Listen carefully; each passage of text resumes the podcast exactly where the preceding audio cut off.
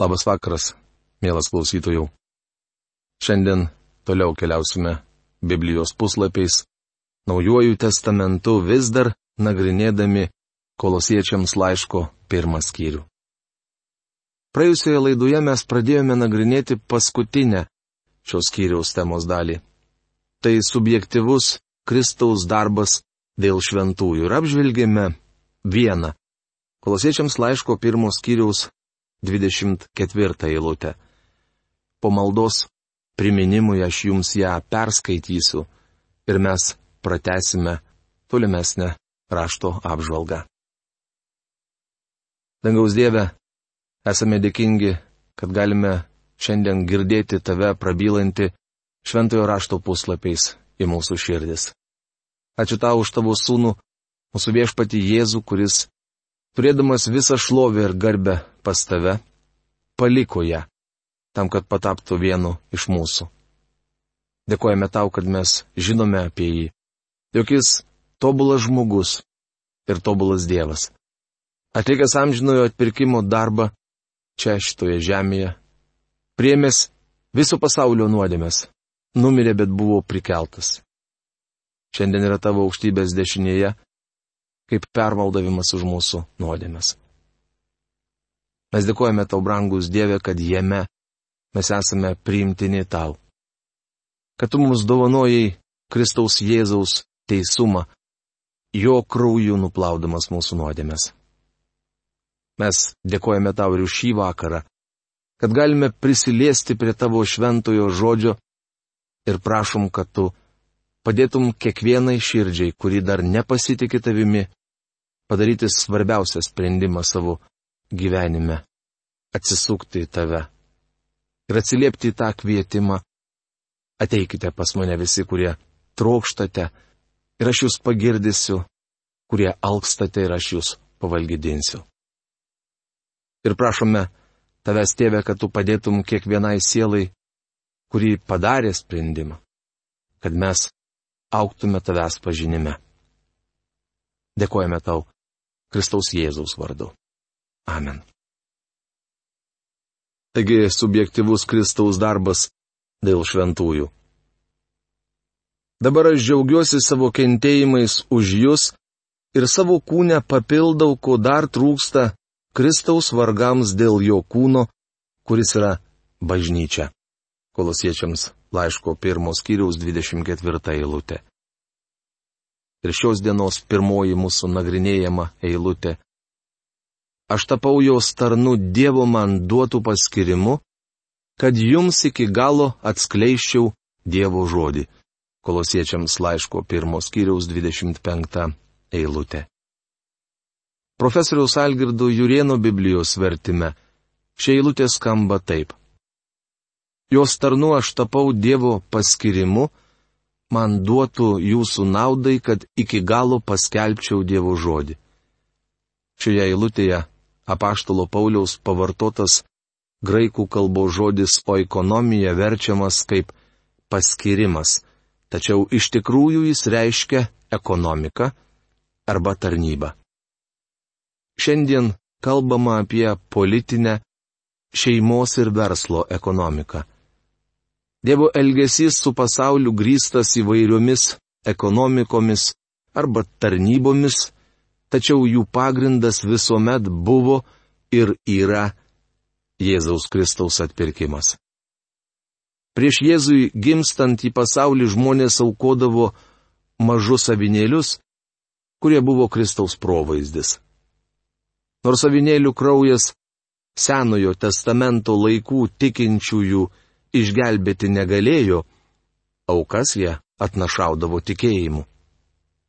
Tie žmonės tikėjo, kad juos išgelbės Kristus, kuris vieną dieną turės numirti už juos.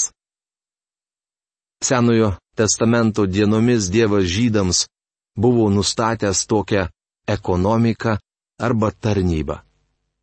Mes neaukojame mažų avinėlių, nes šiandien Kristaus ateimas jau yra istorinis faktas. Šiandien mums tai reikia juo tikėti. Dievo paskirimu man duotų jūsų naudai. Paulius rašo pagonių kilmės tikintiesiems kolosuose, kurie taip pat yra šios naujos ekonomikos arba tarnybos dalis.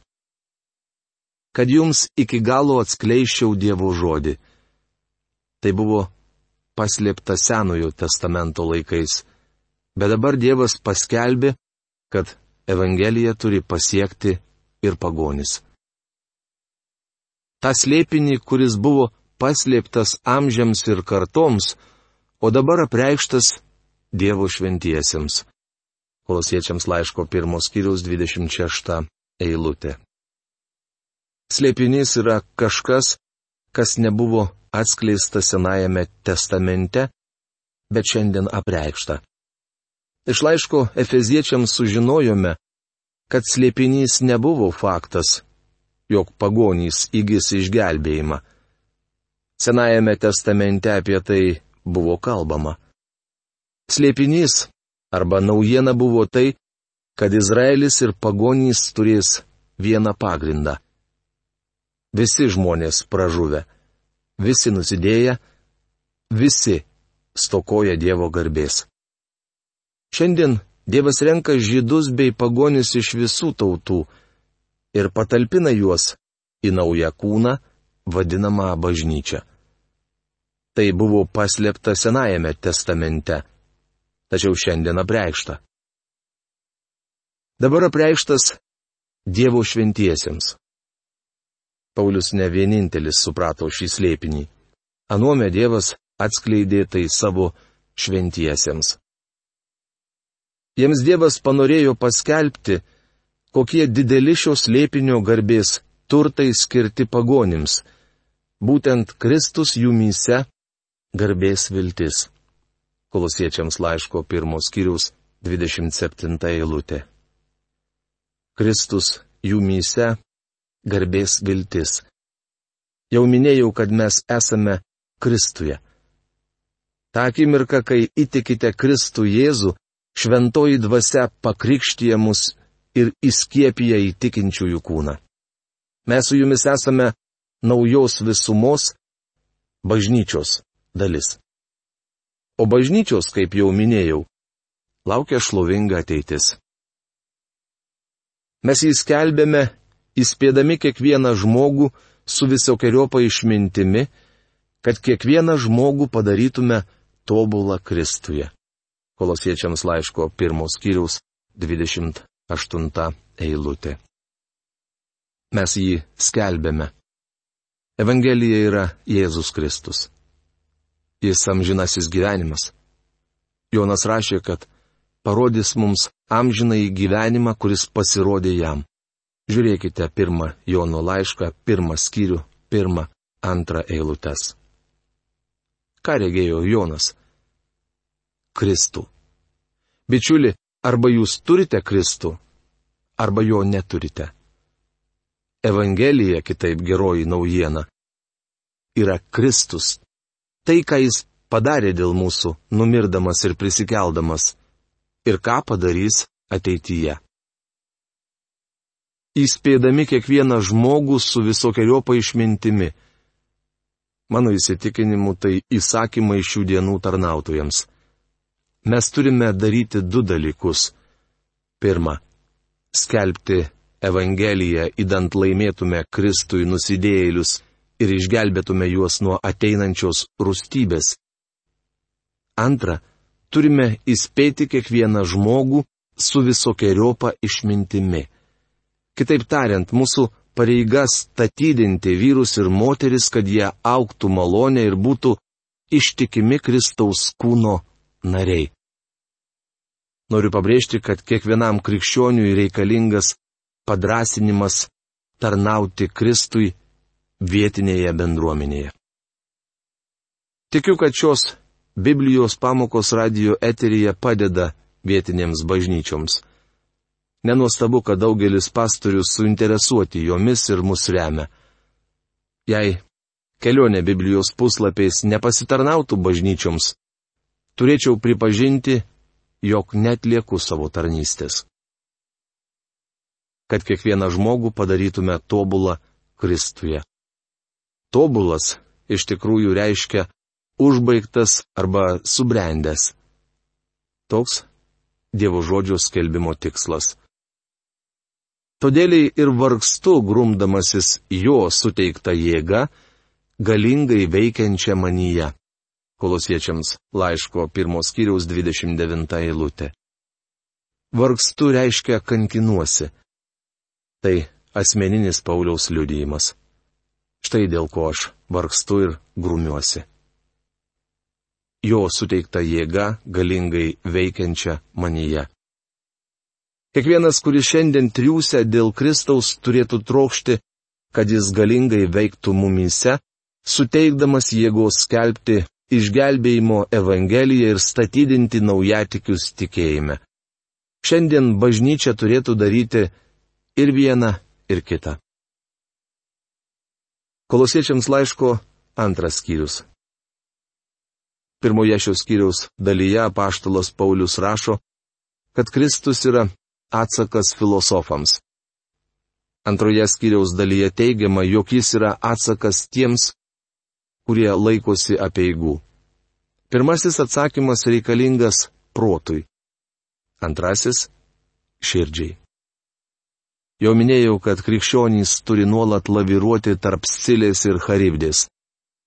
Dar kartą pakartosiu, kad tai dvi senovės graikų mitologinės pabaisos, neva gyvenusios pakrantės uolose abipus dabartinio Mesinos sąsiaurio ir ryjusios jūrininkus. Iš to kilęs posakis puikiai apibūdina tokią padėtį, kai iš abiejų pusių grėsia pavojus. Taigi krikščionis neturėtų užmiršti, kad jiems nuolat grėsia pavojus paversti krikščionybę sausa filosofija. Kita vertus, krikščionybė gali sustingti į tam tikrą formą - ritualus ir apeigas. Norėčiau jūs įspėti, kad abu kraštutinumai yra pražutingi. Evangelijoje pagal Joną parašyta, kad viešpats Jėzus vadino save gyvybės vandeniu. Kai vanduo sušalo į ledą arba virsta garais, jame gyvybės nebelieka. Mielas bičiuli, mums reikia būdėti kad neimtume vadovautis filosofija ar aklai vykdyti ritualų. Neturėtume pamiršti, kad krikščionybė yra Kristus. Šiame skyriuje Paulius rašo apie penkis kolosų bažnyčiai grėsusius pavojus. Išvardysiu juos pailiui. A. Sukti įrodinėjimai. Ketvirta, septinta eilutės. B. Filosofija. 8-13 eilutės. C. Įstatymo dvasia. 14-17 eilutės. D. Misticizmas. 18-19 eilutės. Ir E. Asketizmas. 20-23 eilutės.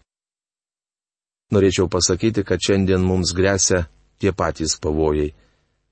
Manau, daugeliu iš mūsų būtų naudinga atidžiai išanalizuoti šį skyrių.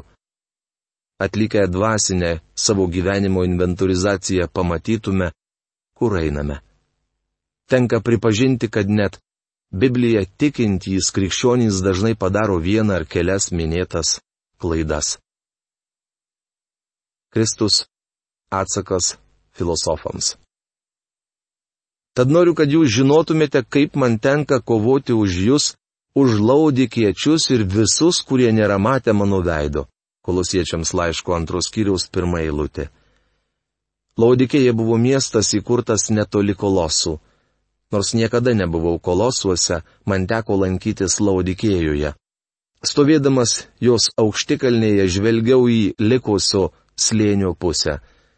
Kalnų papėdėje ties Frygijos vartais, kurie atsiveria į rytus, matėsi kolosų griuvėsiai. Tai buvo didelis miestas, tačiau tikrai netoks kaip Laudikėja. Laudikėjoje, kaip prisimenate, buvo įsikūrusi viena iš septynių apreiškimo knygoje minimų bažnyčių, kurią mūsų viešpats pavadino Drungna. Apaštalas Paulius rašo kolosiečiams, kad jam tenka daug kovoti už juos. Kovoti reiškia kesti agoniją. Anot Makpeilo tai agoniška paštalo malda. Paulius matė, jog kolosų ir laudikėjos bažnyčioms grėsia mirtinas pavojus ir tai nedavė jam ramybės. Šių bažnyčių tikintieji linko į vieną iš dviejų kraštutinumų.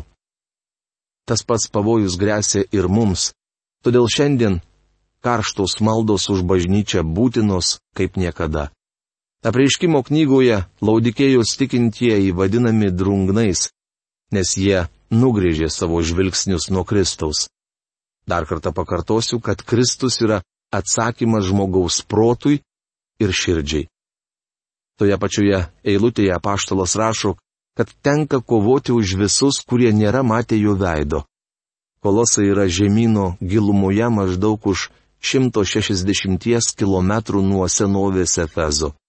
Apaštalas du kartus keliavo pro tą sritį, tačiau taip ir neplankė kolosų bei laudikėjos. Antrosios misijų kelionės metu Paulius bandė pasukti į Azijos gilumą. Tačiau Dievo dvasia jam neleido.